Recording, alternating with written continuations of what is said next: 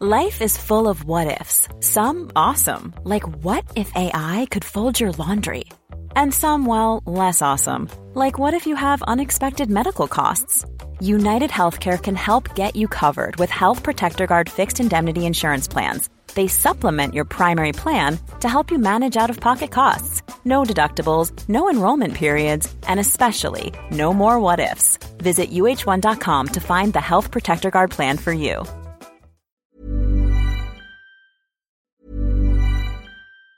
This Mother's Day, celebrate the extraordinary women in your life with a heartfelt gift from Blue Nile. Whether it's for your mom, a mother figure, or yourself as a mom, find that perfect piece to express your love and appreciation. Explore Blue Nile's exquisite pearls and mesmerizing gemstones that she's sure to love. Enjoy fast shipping options like guaranteed free shipping and returns. Make this Mother's Day unforgettable with a piece from Blue Nile. Right now, get up to 50% off at BlueNile.com. That's BlueNile.com. Hiring for your small business? If you're not looking for professionals on LinkedIn, you're looking in the wrong place. That's like looking for your car keys in a fish tank. LinkedIn helps you hire professionals you can't find anywhere else, even those who aren't actively searching for a new job but might be open to the perfect role. In a given month, over 70% of LinkedIn users don't even visit other leading job sites. So start looking in the right place. With LinkedIn, you can hire professionals like a professional. Post your free job on linkedin.com slash people today. Yo, balik lagi dengan gua Alvin di Ganteng-Ganteng Manchester United Podcast. Lagi-lagi gua mau minta maaf karena gua masih sendiri, teman-teman gua lagi pada masih sibuk nih ya dan Saung juga lagi sakit. Jadi kayaknya baru bisa full team atau minimal berdua itu di minggu depan. Semoga ya udah pada em, ada waktu lagi gitu. Tapi untuk sementara gua cover dulu sendiri, solo dulu gitu. Tapi nggak apa-apa, gua mau bahas pertandingan preview ya melawan West Ham di hari Minggu malam nanti. Di mana kalau MU bisa menang nih di match lawan West Ham nanti itu kita bakal melompati mereka ke posisi 6. Jadi tukeran nih dari 7 ke ranking 6 karena kita itu sekarang di ranking 7 selisih dengan West Ham di ranking 6 itu sekitar berapa poin ya? Kalau nggak salah 2 poin deh kalau nggak salah. Ehm, satu poin. Kita 35, mereka 36. Jadi kalau misalnya kita menang, kita bisa jadi 38 poin. Unggul 2 poin di atas West Ham di ranking ke-6. Jadi ini pertandingan yang lagi-lagi sangat penting menurut gua di mana kita juga udah nggak ada em, kompetisi Eropa, Piala Liga juga udah nggak ada, toh udah masuk final juga kan Chelsea dan Liverpool. Kita cuma ada FA Cup itu kita main lawan either Nottingham Forest atau Bristol City itu masih di tanggal 28 Februari, masih lama banget akhir bulan Februari.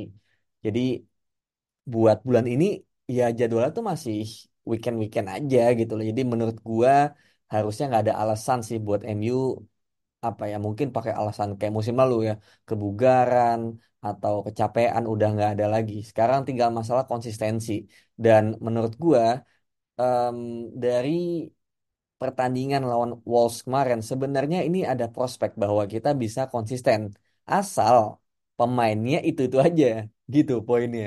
Jadi memang sepertinya em, apa ya gaya main yang diinginkan diinginkan oleh Erik Ten Hag ini memang membutuhkan pemain-pemain yang apa ya punya spesifikasi khusus, skill set khusus. Dan so far sejauh ini tuh ya memang yang bisa menjalankan itu kurang lebih ya first teamnya sekarang gitu loh. Ditambah mungkin beberapa yang ada di bench gitu, tapi nggak semuanya. Terutama pemain-pemain kunci kayak Martinez, kayak mungkin Luke Shaw itu adalah pemain-pemain yang nggak bisa diganti gitu loh perannya sama pemain lain. Mereka terlalu vital. Jadi memang PR-nya adalah untuk musim depan menurut gua kita harus beli pemain yang profilnya ini bisa menggantikan mereka gitu loh. Kalau mereka si Martinez sama Shaw ini lagi cedera itu dua pemain yang apa ya menurut gua sangat berpengaruh ya di permainan kita di apa ya first half sama second half ini di, di, di musim ini itu beda banget dengan ada dan tidak adanya mereka. Bahkan Casemiro yang menurut gua Casemiro kemarin meskipun nggak lagi bagus-bagus banget tapi oke lah ya cukup bagus gitu. Dan skema pressing kita juga cukup bagus kemarin. Jadi Casemiro nggak terlalu terisolasi sendirian di lini tengah. Jadi menurut gua em, apakah pertandingan nanti lawan West Ham di home kita bisa meraup poin? Jawabannya ya ini ini, ini gue gak takut sih jawab jawabnya gitu karena Em, lagi-lagi ya kalau misalnya gue prediksi menang biasanya hasilnya nggak bagus tapi kalau gue prediksinya nggak yakin ya kalau Wolves kemarin kan gue prediksi wah kayak kalah atau imbang ternyata menang gitu cuma gue mau tuh be fair aja lah Em, lawan Ham ini di home seharusnya seharusnya bisa meskipun yang gue nggak yakin adalah konsistensi kadang-kadang MU bisa bermain bagus tuh ya cuma satu match nanti match berikutnya itu jelek lagi Ingat kan lawan Chelsea kan, kita main sebagus itu. Next matchnya lawan apa tuh? Gue lupa. Pokoknya lawan Chelsea kita main bagus, kita menang dengan skor kalau nggak salah ya, kita menang dengan skor dua satu. Tapi nextnya kita tuh mainnya jelek gitu. Either kita menang atau seri ya, gue lupa waktu itu. Gue lagi coba cek. Oh kalah. Iya jadi kita tuh di midweeknya kita menang dua satu lawan Chelsea. Permainan kita meyakinkan, pressing kita, serangan, XG kita hampir 4 kan, tapi nggak klinis. Tapi di weekendnya di home kita kalah 3-0 lawan Bournemouth. Nah, itu dia maksud gue. Gue kayak merasa kayak waduh, ini kan mirip ya kayak, oh lawan Wolves kita mainnya bagus, comeback. Tapi nanti lawannya West Ham di home gitu kayak ini dejavu dejavu seperti di momen Chelsea dan Bournemouth ini sangat mungkin terjadi gitu. Lawan Bournemouth itu sebenarnya kita juga awalnya kebobolan konyol kan, gitu loh. Kita kebobolan bagaimana um, blunder dari Scott McTominay dan akhirnya kebobolan dan dari situ Bournemouth langsung bermainnya lebih rapat lagi dan itu hal yang kita nggak bisa bongkar sampai akhir pertandingan. Malah kebobolan lagi nambah dua jadi tiga. Jadi dibilang seharusnya menang ya harusnya nggak ada alasan gitu. Tapi di MU musim ini apa pun tuh bisa terjadi. Apa pun bisa terjadi mau pertandingan home atau away udah nggak ada bedanya. Kadang di home yang expected menang ternyata nggak menang. Away yang expected kalah ternyata menang gitu loh. Jadi ini sangat-sangat unpredictable menurut gua. Dan inilah satu hal yang ya kayak kemarin mungkin kita lihat ya di X ya atau Twitter melihat oh ya Ten Hag kemudian ada yang bilang kayak Ten Hag ini punya gaya main. Ya memang memang punya gitu. Memang kelihatan lawan Wolves kemarin bagus. Tapi yang kita mau kan konsistensinya. Apakah bisa bermain seperti ini secara konsisten berapa pertandingan beruntun gitu loh? Karena itu menunjukkan memang lu udah ngerti udah paham. Karena yang paling penting dalam liga itu kan konsistensi bukan kayak cuma one off match lu main bagus kemudian ya udah gitu. Kecuali lu mainnya di cup Liga Champions atau di let's say kayak kalau negara tuh kayak di Piala Dunia. Ini kan liga lu butuh konsistensi permainan. Jadi menurut gua sekarang gua mau lihat permainannya dulu gitu. Apakah bisa mereplikasi permainan kemarin? Kalau yang gue baca kan di preskon Ten Hag kemarin itu kita nggak ada pemain baru yang cedera ya. Dan untungnya Lisandro Martinez ini hanya eh, apa ya mungkin precaution ya. Jadi cuma khawatir aja karena mungkin ada sedikit knock doang gitu kan di kakinya akhirnya ditarik. Jadi sebenarnya bukan cedera. Tapi ya nggak ada yang tahu apakah dia dimainkan atau enggak karena kan jadwalnya kita mepet banget nih. Makanya gue benci main di Jumat pagi karena nextnya tuh kita main di Minggu malam itu terlalu mepet. Kita kayak main di Europa League jadinya kan idealnya emang di Rabu, eh either di Rabu pagi atau Kamis pagi. Ini kita di Jumat pagi, main lagi di Minggu malam. Itu mepetnya mepet parah gitu. Jadi gua nggak yakin apakah Martinez ini bisa diturunkan. Mungkin masuk di bench, tapi kalau misalnya emang dia nggak masuk line up, gua nggak heran gitu karena em, kita nggak mau lah memaksakan pemain yang sangat penting ini tuh harus cedera panjang lagi kan. Meskipun ini cuma precaution doang. Tapi Gua harap sih dia bermain ya karena beda banget. Ada Martinez sama nggak ada Martinez tuh beda banget dari sisi menyerang dan bertahan itu benar-benar beda. Jadi memang ya nextnya kita harus beli siapa pun itu yang bisa mereplikasi permainan dari Lisandro Martinez. Nah mungkin kita pindah nih ke line up di mana menurut gua untuk line up sendiri kayaknya nggak akan ada perubahan yang berarti ya dari match lawan Wolves kemarin bakal sama aja karena kalau perdebatan Dalot dan Wan Bisaka, Wan Bisaka ini katanya lagi cedera ya. Personal things katanya. Ditanya, kaki mana yang cedera? Kanan atau kiri? Katanya personal. Gue juga nggak tahu ya kenapa di, dibilang gitu. Cuma ya ya oke lah. Jadi Wan Bisaka masih absen. Mason Mount, Malaysia katanya bakal segera kembali tapi masih tusun. Gue nggak tahu kapan. Dan Sofyan Amrabat katanya udah udah udah latihan hari gini. Jadi harusnya besok mungkin udah masuk seleksi ya. Mungkin masuk cadangan, maybe gue nggak tahu juga gitu. Em, belum ada perubahan. Luke Shaw masih di kiri, kemudian tengah Varane Martinez ya semoga. Atau kalau Martinez nggak main, mungkin yang bermain adalah Harry Maguire gitu. Varane di kiri, Maguire yang di kanan. Mungkin kayak gitu ya. Kalau misalnya Martinez masuk ke cadangan atau eh, apa nggak main sama sekali. Tengah juga masih sama, Casemiro, Mainu, Bruno. Depan pun sama, Højlund, Rashford kiri dan kanan Garnacho. Gitu. Ya, Anthony mungkin kita semua lagi lagi ini ya trauma ya melihat permainan dia kemarin. Tapi ya kesalahannya kan adalah dia dipasang di kiri gitu. Meskipun kita juga sebel ya, lu kenapa bisa di kiri doang gitu. Tapi ini adalah satu hal yang yang ya mungkin memang Ten Hag lagi beberapa kali kan eksperimen ya. Wan bisa kalau lawan, lawan Tottenham aja dipasang di kiri gitu loh. Ya kan? Kemudian Garnacho taruh di kanan. Ya, itu berhasil gitu. Cuma ada juga yang tidak berhasil seperti Anthony di kiri. Itu itu ah, kacau sih. Jangan sampai terulang lagi. Jadi menurut gua line up seperti itu. Em, di cadangan mungkin Amrabat juga udah masuk, Omari Forson juga mungkin bakal masuk cadangan lagi karena Anthony Martial kan cedera ya. Dan berapa 10 minggu ya kalau nggak salah ya, hampir dua bulan. Jadi ya kita udah tidak menghitung dia lagi lah ya gitu. Karena Omari Forson secara sistem dia lebih bagus dan lebih eh, apa pekerja keras. Kurang lebih kayak gitu di USM juga sebenarnya ada tambahan pemain ya. Calvin Phillips dia udah masuk ke squad kemarin bahkan bermain ya ketika imbang lawan Bournemouth. Cuma kalau yang gue baca katanya dia eh, ini ya apa namanya blunder, blunder yang ngasih ngasih apa namanya gol ya ke ke Dominic Solanke. Dan kalau misalnya gue lihat ya di line up-nya West Ham ini em, kayaknya nggak ada yang berubah ya. Nggak ada pemain-pemain yang baru lagi selain Calvin Phillips. Tapi dua pemain yang mungkin akan sangat kita waspadai ya. Mungkin tiga menurut gua adalah ya Bowen udah pasti karena dia akan menjadi penyerang. Dan Bowen juga adalah pemain yang cetak gol kan di eh, apa di kandangnya West Ham kemarin ya. Itu Jarrod Bowen. Kemudian juga menurutku Muhammad Kudus itu juga bahaya banget karena ya Kudus ini em, dia cukup cepat ya adaptasinya. Gue juga nggak nyangka dia bisa bermain di sistemnya West Ham dan dia sebagai goal scorer bagus, positioningnya bagus. Jadi menurut gue Kudus ini juga sangat bahaya. Dia juga golin kan kemarin lawan kita kesalahannya Mainu ya. Kudus golin. Nah sama pe- pemain ketiga yang gue takut adalah JWP, James Ward-Prowse.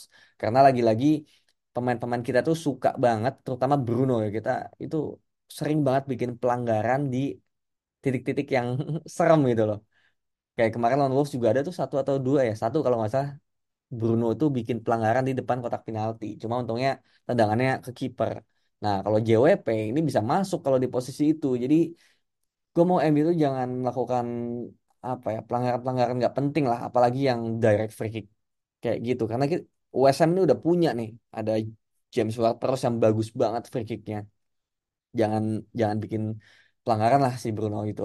Jadi kalau lihat cadangannya lagi, subnya nggak ada lagi sih pemain-pemain yang apa namanya cukup berbahaya. Jadi itu sih menurut gua tiga pemain Ham yang harus kita waspadai. Dan kalau dari kita sendiri menurut gua yang akan jadi sorotan ya adalah salah satunya Kobe Mainu. Di mana ketenangan dia kemudian kemarin mencetak gol itu akan menjadi booster yang sangat-sangat bagus bagi dia. Dan mungkin Rasmus Højlund ya, dia juga lagi cukup gacor.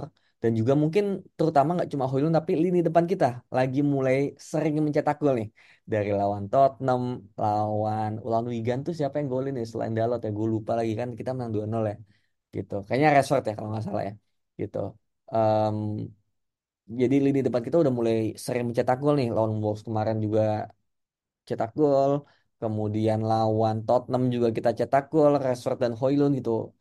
Lawan Newport juga lini depan kita juga cetak gol. Jadi at least meskipun lawan-lawannya juga banyak lawan-lawan yang sifatnya tier kedua atau tier ketujuh ya, tapi at least ada kepercayaan diri yang meningkat dari para pemain MU yang tadinya lini depan ini nggak bisa cetak gol sama sekali.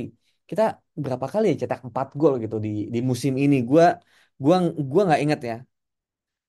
Selain kemarin ya, selain kita em, lawan Wolves menang empat tiga dan Newport empat dua kapan kita cetak 4 gol lagi musim ini? Gue lagi sambil scrolling nih. Kayaknya hampir nggak ada, men.